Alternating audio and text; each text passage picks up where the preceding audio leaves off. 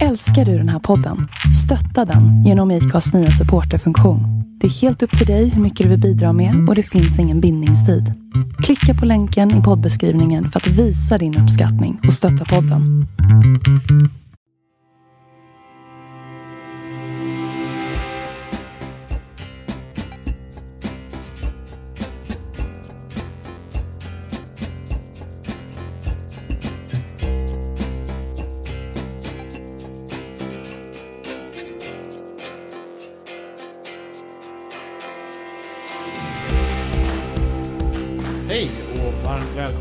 Andreas och Viktor förklarar politik. Varmt välkommen Andreas. Ja, tack Viktor. Vi sitter inte i karantän ännu. Nej, vi försöker att sitta i så mycket social distance som möjligt som man säger. Distancing. Ja, eh, du har jobbat hemifrån. Ja, idag i alla fall. Ja. Eh, Men inte den, den andra delen av veckan, men idag gjorde jag Mm. det. Och jag har suttit på mitt partikansli som är tomt på andra människor så Ja. det funkar ju det med. Ja.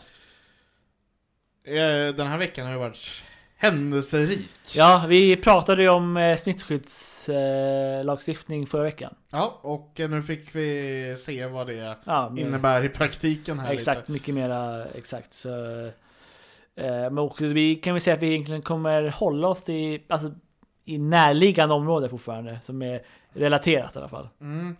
Vi känner väl att eh, det finns ett behov av att berätta lite hur saker och ting fungerar Mm. och varför vissa länder gör som de Ja. gör och åtgärder som tas. Ja.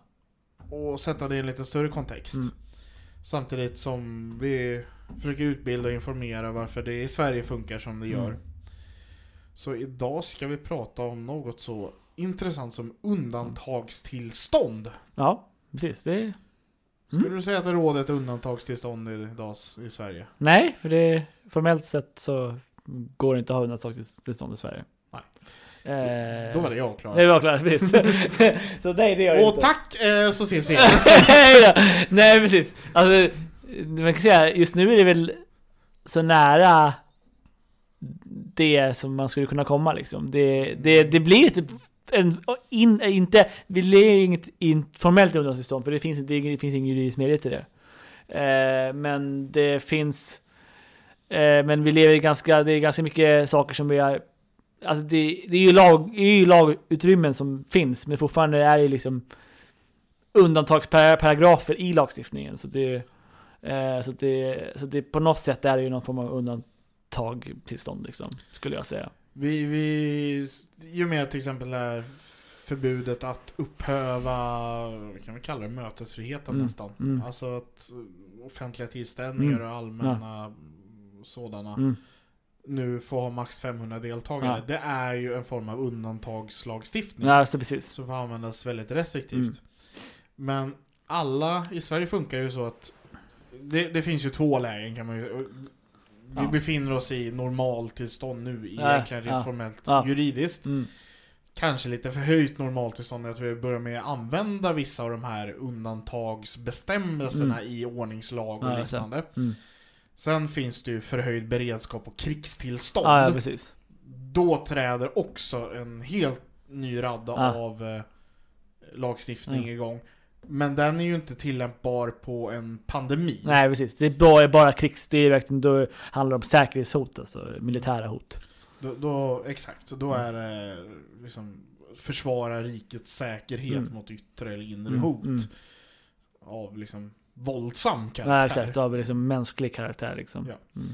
Och då finns massa i regeringsformen för den som är intresserad av att läsa. Jag tycker en av de mest spännande delarna av att läsa i regeringsformen är just de här delarna om Sverige befinner sig i krig, Mm. vad som gäller då. Mm.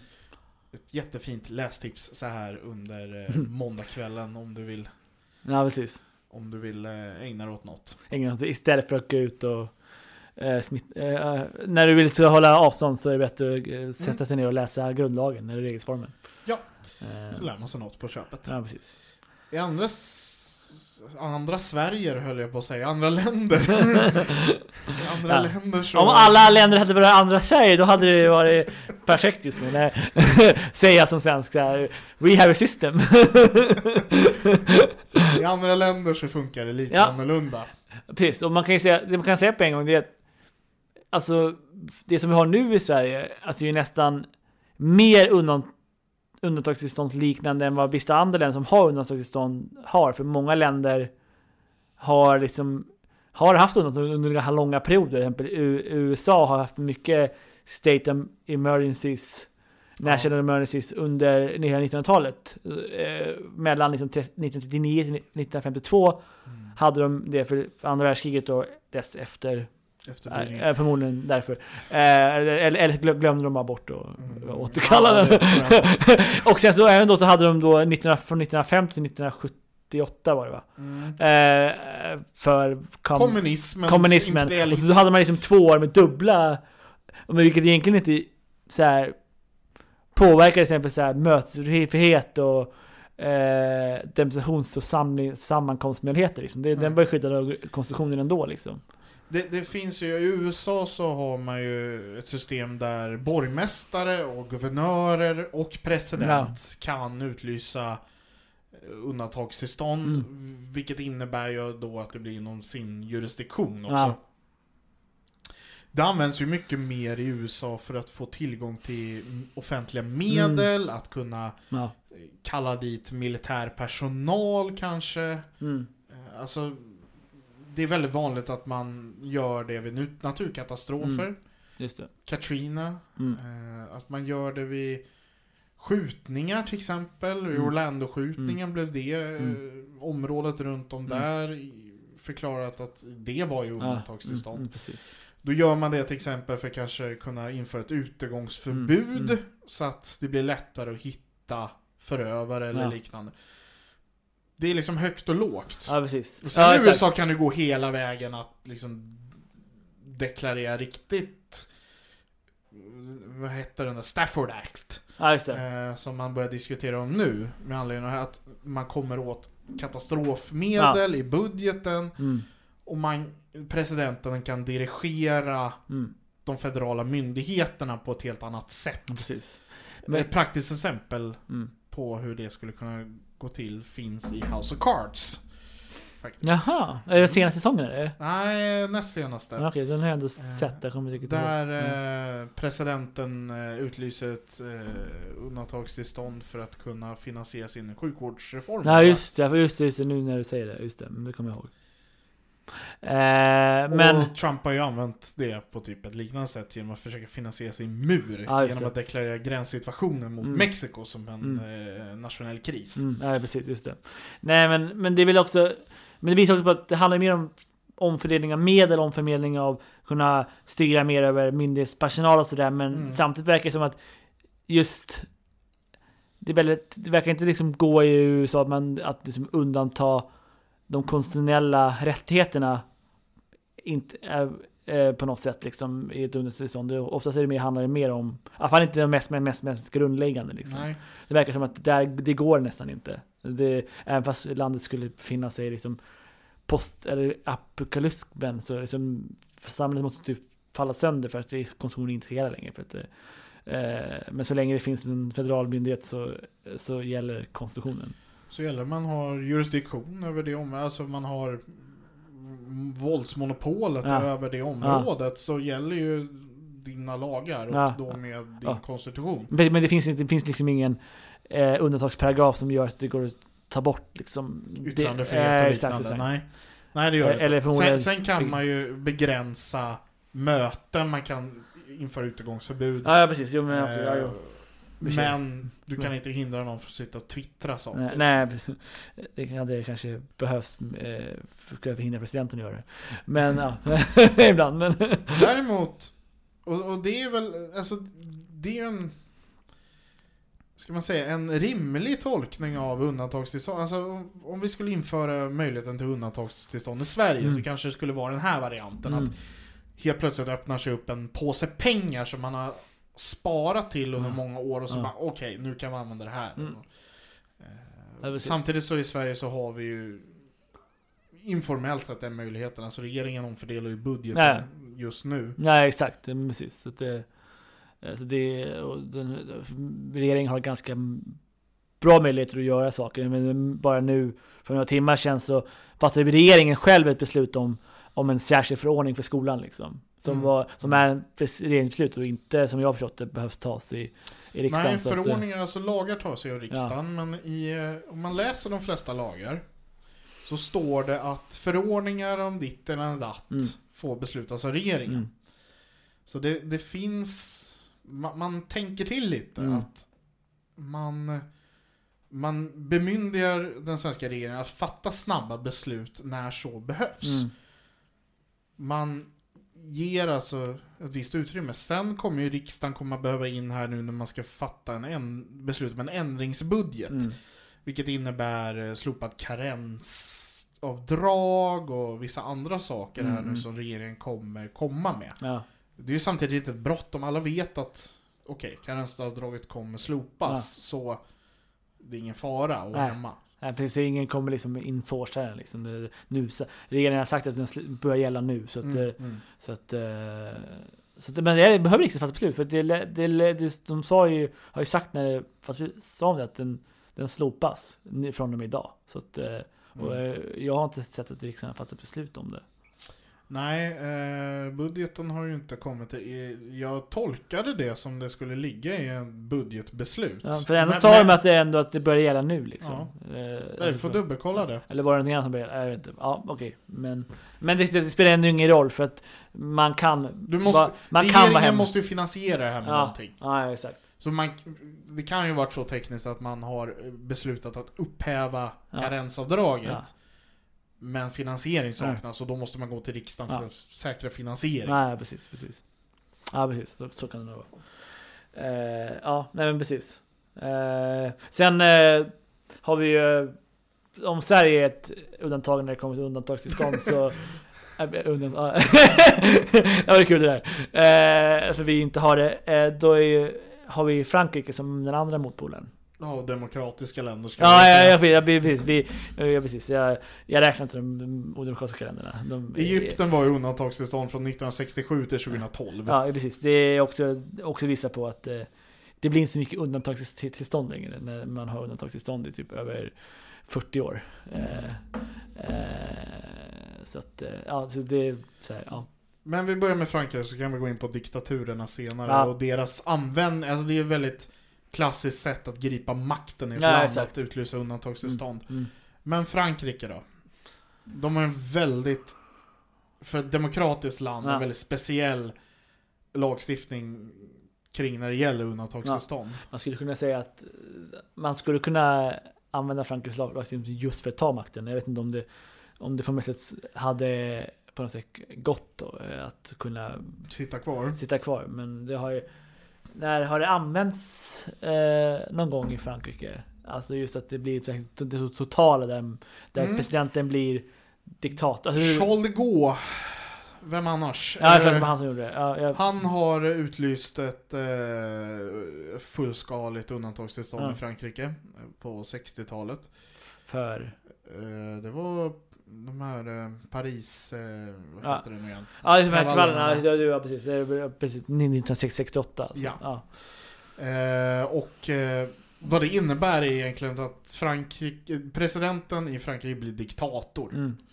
Den är inspirerad från eh, den rom, det romerska imperiets, eller nej, rom, nej inte romerska imperiet, utan den romerska republikens lagar. Mm.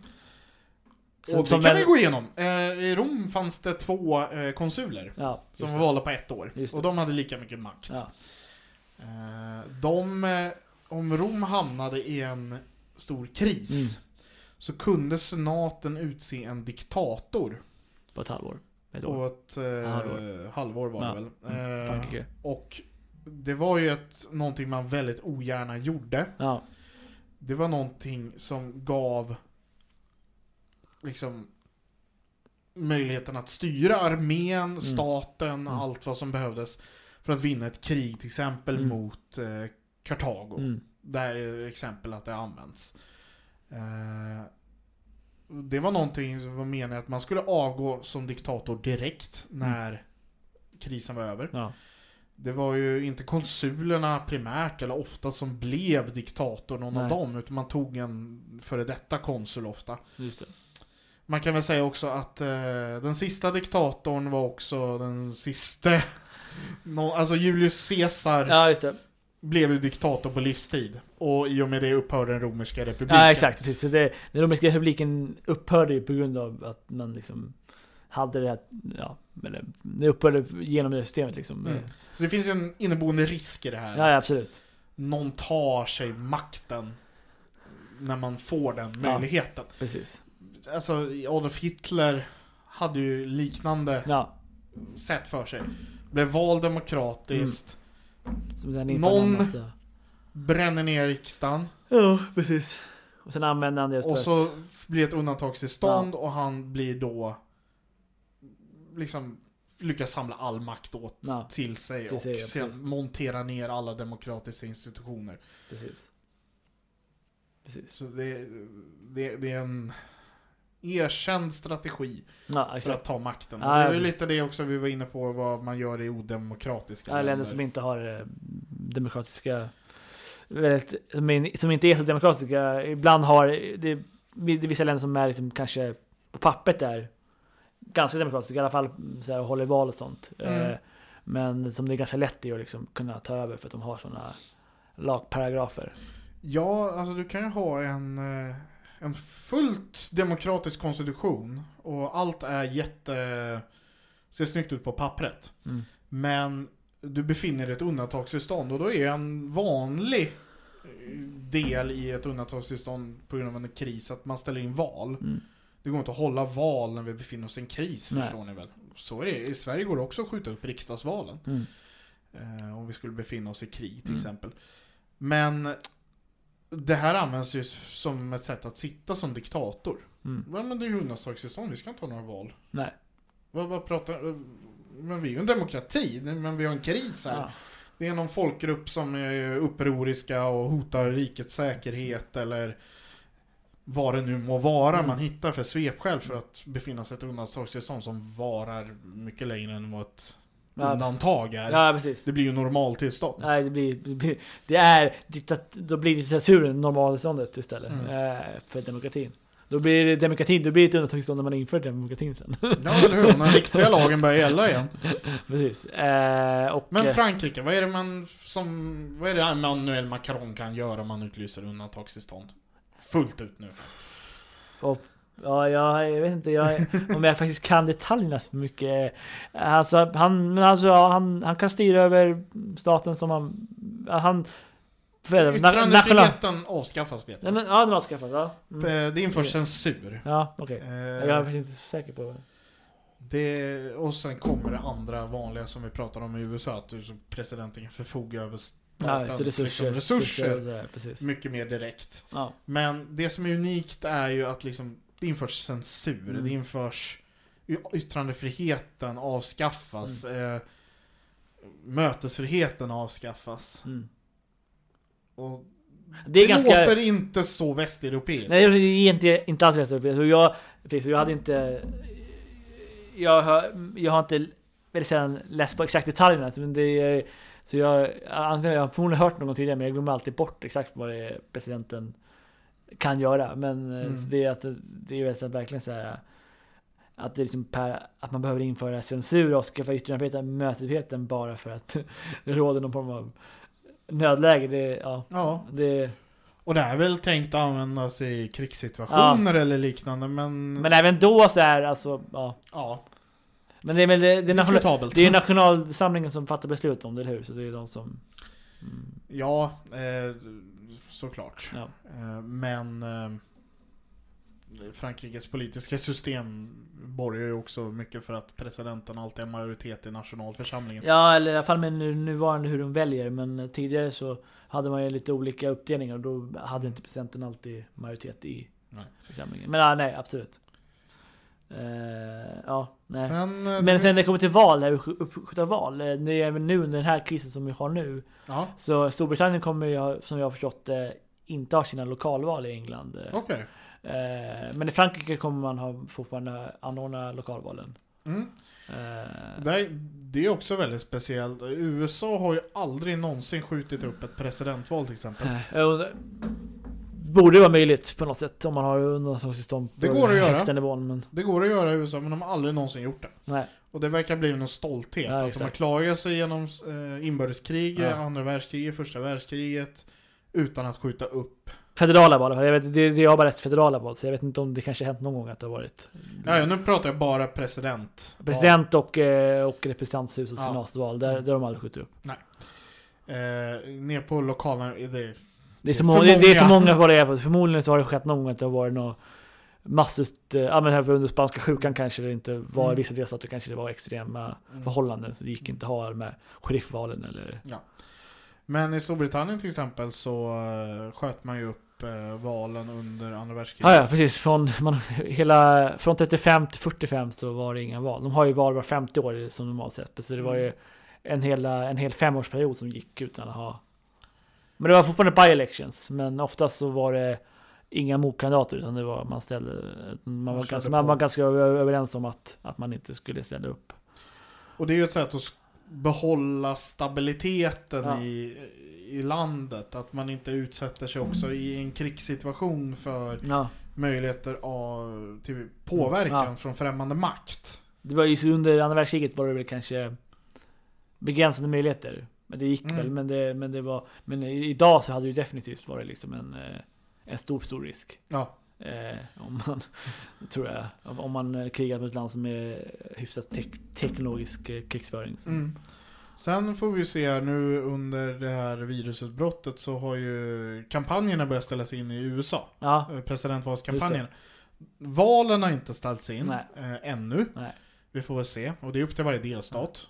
Eh, men eh, de har börjat ställa in kampanjmöten och eh, Joe Biden höll sitt segertal inför bara massa journalister. Ja, Här i Michigan senast. Så eh, det kan ju mycket väl vara så att det här var sista gången vi... Sista kampanjerna Ja, inför presidentvalet. Ja. Och hur presidentvalskampanjerna ter sig blir också en... Det kanske bara blir tv-debatter och Ja, ja, precis. Ja, precis. liknande. Det är, går runt och knackar dörren och sådär. Det är, Inte att eh, rekommendera. visst, eh, både, som vi har sagt tidigare, vi är ju aktiva i Liberalerna, Vi- Vi- Viktor och jag. Vi, Mm. Och vårt parti har ju gått ut med att, eh, att man liksom rekommenderar att inte liksom, dörrknackning eller stå på Ja. torget och kampanja, liksom, vilket är rimligt. Så här. Vi ska undvika social kontakt, så det är kanske är bra att inte gå fram till någons ytterdörr då bara. Nej, och hade du som väljare blivit så glad om någon främling hade knackat på Nej. dörren just nu? Nej, men precis, nej. Nej, så precis. det, det är klokt tycker jag. ja. Sen är det skönt att dela ut i brevlådor istället för att knacka dörr. Det går mycket fortare. Ja, exakt, ja, precis. Eh, man måste till att ha tvåla in händerna ordentligt när man går ut och knackar. eh, ja, um, vad är det mer kring? Ja, vi har väl diktaturländerna. Vi har diktaturerna kvar och vi har varit inne lite på det. Hur, eh, Ja, hur det är ett instrument Ja, att ta makten. Ja. Och det, det är väldigt vanligt att diktaturer har någon form av undantagstillstånd. Ja. Ännu vanligare. Alltså, det gäller väldigt vanligt att även demokratier har det på något sätt. Det är bara Sverige och några till som inte har det. Men, men även i de flesta demokratiska länder så finns det ju också en form av Ja. undantagstillstånd. Men att man faktiskt använder det också. Ja, ja, och sen använder det så pass länge. Det är väl ett väldigt kännetecken för just diktatur. Ja, exakt. Att du, du använder det för att knipa makten och för att legitimera ditt maktmissbruk. Och de här undantagstillstånden kan ju vara väldigt specifika och inriktade mot en viss folkgrupp eller liknande. Att eh, man benämner en stam, säger vi, som en annan etnicitet som terroristgrupp utan fog för det. Eh, och därmed utlyser undantagstillstånd för att bekämpa den terroristgruppen. Alltså, n- Ni hör ju vad det här används till. Det är inte Mm. Till samhällets stora goda eller Nej. för att bekämpa en tillfällig kris eller liknande. Utan Eh, Oftast i alla fall. Men, eh, ja, systematiskt exakt. maktmissbruk. Precis. Men har jag märkt det nu. Men eh, nu, nu i Kina så har ju Kina använt extrema metoder för att eh, bekämpa just eh, viruset. Mm. Och det verkar ju, i alla fall de rapporter som WHO rapporterar in och så här, det verkar ju som att för Kina ger det effekt. Eh, Ja, alltså slåser man in alla så nej, det ger bör effekt. det ju Det, effekt. det borde ge effekt, precis. Sen är det asiatiska samhällena annorlunda i, i sig, i alla fall asiatiska samhällena. För att, eh, Mm. jag menar, Sydkorea, demokratiska samhälle, de har haft en ganska effektiv eh, bekämpning också. Ja. Att de har helt andra kulturer och en helt annan lagstiftning när det kommer till. Och, och där kan man ju fråga sig, alltså, eh, Wuhan är liksom en gigantisk del av Kina. Mm. Eh, eller stad. Mm. Eh, tänk dig att hela Stockholm Mm. ska vara helt folktomt. Mm. Ingen får gå ut, Nej. ingen får handla eller någonting. Nej. Alltså är du med på att det går ju att göra det i Sverige, men Ja. är du bekväm med att staten skulle fatta de besluten? Det skulle vara... Nej, alltså nej. Det hade, det hade varit ett ganska oproblem, absolut. Tror jag nog. Mm. Men eh, ja. Så jag tror att... Eh, Det är väl liksom den sista åtgärden vi tar till här. Det, det, det skulle jag absolut säga. Jag tror att det... Ja, nej jag, jag tror att det bör, då ska det verkligen kännas att det är extremt krisläge och folk har verkligen inte tagit något eget ansvar överhuvudtaget när det kommer till eh, Mm. smittspridningen liksom. Och ekonomin kommer ju krascha totalt. Ja, den kommer krascha precis. Det är också det liksom. Det, det är intressant att se vad som händer i... För, eh, Italien. Eh, Men jag vet framförallt Italien, då- men även liksom Norge och Danmark också som har ganska stora restriktioner. mm. Eh, Jag menar, I Oslo så har man ju typ stängt igen liksom nattklubbar och allting sånt där. Liksom. ja. Eh, Så det, det måste ju. Nu är Norge för exempel där de liksom inte ens har en statsskuld så de har ju råd att kanske bygga Jag vet inte, det, tar nog lång tid innan de skulle bygga på sin statsskuld med tanke på att de har eh, enorma oljefonder. Men Ja. eh, Men där, är- när jag pratar med folk här ute, alltså det är ju tomt på restauranger nu, folk jobbar Ja. hemma. Matbutiker går bra. nej, de går bra just nu men, eh, Eh, men men eh, alltså andra lider ju verkligen ekonomiskt Mm. av eh, det här redan nu. Mm, Och mm. det kommer antagligen bli ännu värre. Resebolag, framförallt flygbolagen. mm. Ja, absolut. Så det är ju... Så det är man bara utan att, liksom, att, det, att det är tvingar utan bara att folk tar ett eget ansvar. Ja. Liksom, så här, inte. Och det är väl det som är egentligen jättebra. Att Ja. vi tar ett eget ansvar, vi tvättar händerna, Ja. vi håller oss hemma. Hemma så mycket Eh, som möjligt. Vi, vi undviker stora folksamlingar. Det, är det enklaste och effektivaste sättet att stoppa en virusspridning. Mm. Alltså virusen får inte ben och går ifrån mina Nej. händer och över till dig här över bordet. Nej. I sådana fall har vi ett större problem. Ja, då hade, hade, du, hade vi verkligen behövt lås, låsa in oss frivilligt. eh, Utan att, eh, så säga, man måste verkligen... Eh, den, eh, den har ju... Så länge man håller... Det är där 1,5 meters avstånd så, Mm. så får man liksom... Har man, eh, har, så är man ganska, eh, går det ganska bra liksom. Mm. Så, att, så länge det inte blir, om man är i trånga folksamlingar och kollar på en guldbro så... Slussenbron för er som inte är stockholmare, den kom fram. Ja, Jag tror att det, även ni som inte är stockholmare eh, vet om det, för jag har sett massa människor som gnäller på Twitter om att, eh, att eh, nationell media skriver om en guldbro i Stockholm. Ja. Eh, ja, jag har varit väldigt fascinerad över det där också. Men visst, eh, det åker en bro från Kina till Ja, alltså, det Stockholm. är lite halvfascinerande så här. Det är, men jag skulle inte åka och, i ett normalläge åka och kolla på den. Eh, Nej. tror jag. Men alltså, det är fascinerande att det är liksom, så här, ja, stor bro som liksom fraktas på ett fartyg. Det, är- Mm. det ser jag är lite fascinerande. Vi får gå på den en dag och se hur den känns. Ja, exakt. Precis. Exakt. Jag hoppas den håller. Mm, just det. eh, och inte smittad med andra Ja. eh, virus. Men eh, vi har ju infört det här, vad vi vet nu, när Mm. vi spelar in fredag sen eftermiddag. Ja. Det är att större publik, eller ett större evenemang överhuvudtaget Mm. är inställda. Ja. Eller Precis. förbjudna, Ja, olagliga. förbjuda. du Är, kan få fängelse. är det fem, över 500 så är det olagligt. Ja. Eh, och med det sagt, det här med egenansvaret igen betyder inte att du kan ha ett event på 499 personer. Det betyder bara att du, det är olagligt över 500. Mm. Eh, men det betyder inte att det, att det är riskfritt att ha någonting under. Nej. Utan, eh, ja. Och sen ska man också komma ihåg att det innebär ju 500 är ju personal, de som faktiskt eh, befinner sig, ska man säga, underhåller, sjunger, spelar sport, vad det nu må vara. Ja. Så det, det kanske får plats 300 i publiken. Mm. Ja, precis. Men eh, hur har det här påverkat dig då? Du är ju Hammarby-fan.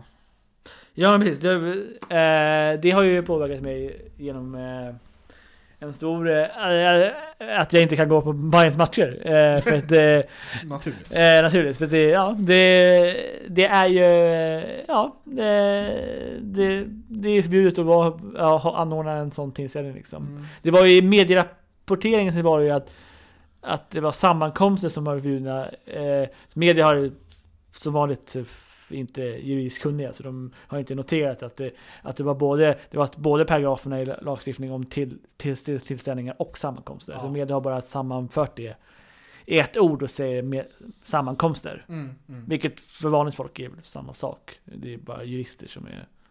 Det är två Eh. olika lagstiftningar. Nej, det, men det är det. Men, det är- men, för jurister, men för människor i, i sig så är sammankomster Samma sak. det, är- det är en tillställning liksom. Det, eh, men absolut. Men det är enligt beslutet i alla fall. Jag har inte sett regeringens beslut, men jag såg underlaget till beslut som Folkhälsomyndigheten eh, tog fram. Det var båda Ja, lagstiftningarna som refererades. Eh, så att, och så, så typ nu är det många eh, fotbollsklubbar, ishockeyklubbar som går ut och säger att man kan skänka en biljett in, in, in, in, in intäkt till sin... Ja, eh, alltså just nu går, pågår ju slutspelet i Svenska Cupen och det är väl Mm. inte kanske den största publikevenemanget Nej precis, det är inte eh, det största. Eh, och allsvenskan i fotboll har ju inte påbörjats Nej ännu. exakt. Däremot så har ju ishockeyn ett lite större problem. Ja.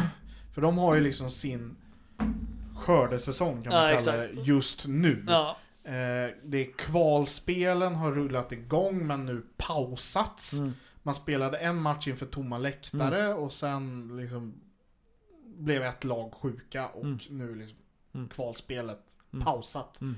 på obestämd tid. Eh, Slutspelet i ishockey eh, är uppskjutet. Eh, Och inte så länge så jag tror att de... Det är bara två veckor. så så- frågan är om de kommer skjuta upp det längre eller om de inser Ja. att de måste spela för de kan inte skjuta upp det hur länge som helst heller. Nej, för eh, eftersom jag gillar ishockey så har jag koll på det här. Ja. Eh, kontrakten i svensk ishockey är skriven till 30 april. Ja okej. Sen byter lagen spelare. Ja, Då börjar blir- nästa Ja. kontrakt gälla. Ja. Så efter, alltså, drar det ut på tiden, då har man inte ens samma lag. Ja, det är ju också ganska orimligt utifrån ett tävlingsperspektiv så här. Ja.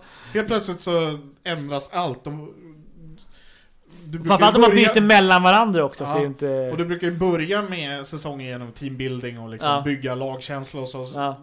så gå ut och spela SM-final i hockey med halv, halvt nytt lag helt plötsligt kanske inte är Ja, jätteattraktivt. precis, Eh, exakt. Eh, Så man både... Ny coach allting. Ja, exakt. Och även så kan det vara så att det är spelare i, i SHL som byter mellan lagen. Ja. Så helt plötsligt ska man spela för ett annat lag i, i... Eller så får man inte spela, men man hamnar i ett lag som... Eh, som inte ens Åkt har kom, ut, ja. ut liksom så här. Det kan inte i hela världen, men just att man får byta eh, lag liksom som man Mm. kanske får möta varandra sen. Om du kommer in, vi säger att den sjunde avgörande finalen i SM-slutspelet spelas den första maj. ja. Alltså är man moraliskt berättigad till guldmedalj om du kommer in i laget och helt flux flux? ja, nej det... ja. alltså man är ju förmodligen så här rättsligt berättigad, men... eh, Ja, men, men det blir ju väldigt moraliskt, så här, moraliskt. Borde man inte ta emot en, eh, en medalj. Eh, Men, men andra evenemang. Men hur långt, jag tänkte bara, Ja. hur lång tid tar eh, slutspelen? Brukar de två veckor? Tre? Nej, de håller på ungefär en månad. Så att de... För att så den 23 mars, oavsett om det här sammankomster fortfarande gäller inte, så måste man nästan spela om de ska hinna liksom, klart med det. Ja, jag vet att de hade dragit ner antalet matcher. Normalt spelar man ju bästa sju. Ja. De har dragit ner till bästa fem. Ah, okej. Så de kapar Så lite. det kanske blir bara två och en halv vecka. Om Ja. man liksom, och Men de vet ju att de har den där gränsen på 30 april. Ja, Sen blir det problem. exakt. Jag menar, därför måste de, kan de inte skjuta kanske upp det så mycket. Kanske någon gång till, men Mm. inte mycket. Basketen har helt stängt av. Ja, Eh, Det drabbar klubben här i stan. De har mångmiljonbortfall. mm. Eh, Ishockey-VM är inställt. Vi får se hur det blir med fotbolls-EM och Ja. olympiska spelen. Ja, precis. Eh, än så länge säger eh, Olympiska kommittén att de är inställda på att spela. Ja, men de har ju lite mer tid på sig. Ja, exakt.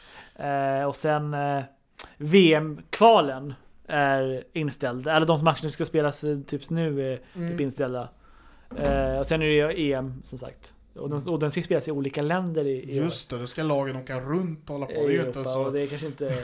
bästa för... och Framförallt lagen och framförallt då om man då ska ha publik så är det såhär, Mm. ja, okej, ja. Ja just det, publiken från, säg svenska Ja. fotbollslandslaget. Kommer jag inte ihåg vilka länder Sverige ska spela i, men skitsamma. Eh, de ska ju resa mellan olika länder för att se. Det är ganska stora entourage som ska Ja. resa. Inte jättebra. Nej, precis. Så att, Och eh, kanske inte helt lagligt heller eftersom det införs vissa reserestriktioner. nej, exakt. Det är så som man säger, man kommer inte in i det här landet för det. Tjeckien till exempel har ju stängt sina gränser för bland annat svenska medborgare. Nej, exakt. Vilket vi sitter här, satt här och diskuterade innan, är det ens lagligt? nej, exakt. Eftersom vi är EU-länder Ja. båda två. Och Det är, det är ju lagligt att införa gränskontroller. Det är Ja. ju lagligt. Men och- att stänga för Ja. EU-medborgare, Ja. är det lagligt? Alltså, det jag funderar på är, så skulle det vara lagligt i USA för en delstat att alltså sätta liksom en delstat alltså, Ja, kan- vi säger att Montana inte tillåter någon annan att komma in där. Ja exakt, det, blir som en karantän liksom för att det är sån stor utspridning liksom. Du kan ju sätta den i karantän tror jag. Ja, Eh, utan att ha koll på just Montanas lagar. Nej, Men eh, du, jag tror inte du kan hindra amerikanska medborgare att komma in där nej, utan att du har satt delstaten i karantän. nej, Då precis. måste du liksom Hela officiellt deklarera karantän. Ja. ja, precis. Och det är ju inte vad Tjeckien har gjort. Nej det är inte det, det, är precis, det är exakt. De har ju bara sagt att de här länderna, de här medborgarna får inte resa in. Mm. Vilket är en diskriminering. Hade de liksom stängt landet, för hade de kanske stängt landet helt för alla medborgare? Då hade det kanske, för då hade det blivit Ja, någon form av, hade det blivit som en karantän liksom, liksom så Mm. det, eh, ja. Ja, nej, nej, så att, det eh, här blir mycket för jurister att jobba med här eh, framöver. Ja, det kommer bli mycket prövningar i EU-domstolen och, och i kommissionen. Mm. och Eh. Pressträffen vi såg här nu så börjar Sverige skälla på främst Frankrike och Tyskland som har stoppat export. Av sjukhus, av... eh, Ja, material. eh, så att de, de beredskapslager Sverige har köpt upp Mm. av europeiska, vi kan kalla dem allierade, Mm. liksom Europeiska unionens Mm. medlemmar. Mm. För att ha i kriser. Mm. De har vi betalat för, vi äger produkterna, vi har Ja. bara för att hålla dem Ja. fräscha kan vi säga. Har vi dem på en stående order. Eh, det är våra saker, de ska hit. Nej, men. Men eh, då har de här ländernas regeringar deklarerat att det här får inte lämna landet. Vilket också strider mot den fria rörligheten Ja. för varor inom EU. Som Precis. fortfarande gäller. Ja. Men det, det visar ju också på... Eh, jag tänker att det visar lite på brister i det europeiska regelverket för att, att, att man inte har... Vi har ju en samordningsmyndighet för smi- smi- smittskydd som ligger i, i Solna. Mm. Men de, det finns inte tillräckligt mycket samordning och liksom så här att man kanske borde haft. För vi har ju gemensamma livsmedels eh, bered- beredskapslager. Det är ju gemensamt. Så man kanske För borde det ha, var det som var viktigt under andra världskriget. Ja exakt. Så man kanske borde ha liksom beredskapslager för andra saker också. För Mm. det just så att man har en fri marknad. Mm. Eh, för det, för jag, jag förstår att det är ju rimligt för den här, de här regeringarna att, ja, men att Där finns det grejer, vi ja, behöver vi behöver dem de är, de är i vårt land. Ja. Och på tanke att det inte finns något europeiskt så, så. Mm. Och det är samma sak när Italien begärde hjälp med den här hjälpmekanismen. Mm. Ingen svarade. Nej, vi behöver det själva. Ja. Och det är också så här, ja men vad är poängen med med hjälpmekanismen om vi inte liksom på något hjälp. sätt kan... Så om det hade funnits beredskapslager istället som var gemensamma. Då hade det varit ganska stora lager, för det Mm. första. Eh, Ja, ja. ja. Och då gäller det ju också, så vad ska de lagren ligga? Ja sant, men samtidigt... för just nu är det ju här, Ja. problemet är ju att det här är privata företag som har våra lager. Och de vill leverera till Ja. oss, vad jag vet. Så Mm. Det lät så på regeringen. Mm. Men deras, det är exportförbud Mm. på de varorna. Mm. Så de kan inte leverera. Nej. Då måste EU gå över den nationella regeringen vars territorium det här lagret Mm. ligger på. Ja. Annars kommer jag sluta med att alla länder kommer bygga, måste bygga upp sina egna Nej, lager. För man kan inte lita på varandra. Och ja, antagligen är det det som kommer hända. ja, om det, framförallt om det inte liksom mm, respekteras i slutändan av ett, om EU-domstolen fattar beslut liksom. Mm, mm. Om det, om det respekteras, då, då händer det ju inte. Men eh, om de skulle strunta i det för de tycker att det är sånt nödläge. Ja. Ja, då kommer det hända. Men för jag tänker, men jag tänker, vad, jag vet inte hur det funkar med livsmedelslagren, för de ligger ju på olika ställen. Ingen aning. Så menar, det måste ju finnas regler kring dem som gör att, liksom det inte, att man i, i ett läge där det alltså är eh, brist på livsmedel. Mm. Eh, så kan Eller det, så så det kan, bli samma situation. det borde inte vara så med tanke på att det är gemensamma lag. Det här, det här, är- det här är inte gemensamma lag, Nej, det här är ju vårt eget som vi har i privata företag. Mm. Medan det här, jag vet inte hur, hur det funkar, men jag antar ändå att där är ändå andra, ett annat regelverk. Mm. För att det ändå är gemensamma livsmedelslager. Så jag tror inte att ett land kan säga... Alltså formellt kan de väl det för att de, De är, för alla länder är ju suveräna. Vi har ju, vi, vi, även fast vi har gemensamma regelverk så finns det egentligen ingenting som, som den eh, eh, unionsmakten egentligen kan göra om ett suveränt eh, medlemsstat säger att vi inte vill Mm, mm. om den ligger i deras land. Men, men, men enligt, enligt regelverket så förmodligen så finns det regler som gör att man inte skulle kunna förhindra livsmedel att eh, föras ut till landet som behöver det i EU tror jag. Om, Mm. om det nu skulle behövas. Må så vara. Mm. Det kanske vi får prova en annan gång hur det funkar. Ja exakt, nu har vi, det har faktiskt ut väldigt mycket här. Vi pratar, det, det, är, ju- det är allting är relaterat till det där med undantagstillstånd kan Ja. man ju säga. Men, Nej men det här är ju kris. Ja, kris. Ja, exakt. och hur Krislagar Man hanterar det juridiskt. Ja det funkar liksom och hur liksom om, ja vi märker ju att EU verkar inte ha så mycket eh, krigsreg, alltså krisregler eh, som fun- alltså i alla fall inte som fungerar eller som är ty- tydliga Mm. Eh, på alla områden liksom att det behövs verkligen ut, utvecklas liksom. EU utvecklas genom kriser. Det Det brukar vara det. det stående mantrat. Det. Men eh, jag tror jag täckt det mesta Jag tror också vi det. ville säga här Eh, nu. jag tänkte mest och lite till tror jag. Verkligen. Eh, ja, vi får väl se om vi fortsätter med det typ temat inför nästa vecka. Mm. Och eh, om vi försöker hålla oss social distans och gör det, inte sitter på ditt kontor utan vi sitter i våra rum. Men Vi får väl se. Ja, vi får se. Eh, Yes. Är det någonting vill, ni vill lära er om nästa vecka så kan ni gärna hojta till. ja, Annars, håll er friska och följ eh, och tvätta händer och Ja. håll lite avstånd och så vidare. Och Yes. är du Och sjuk så stanna hemma. ja, lyssna på myndigheterna. Och detsamma gäller dig Andreas Yes, och mig. Ja. Så med det, ha en bra vecka. Ja, vecka. Så hörs vi igen nästa måndag. yes, ha det bra. Ha det bra.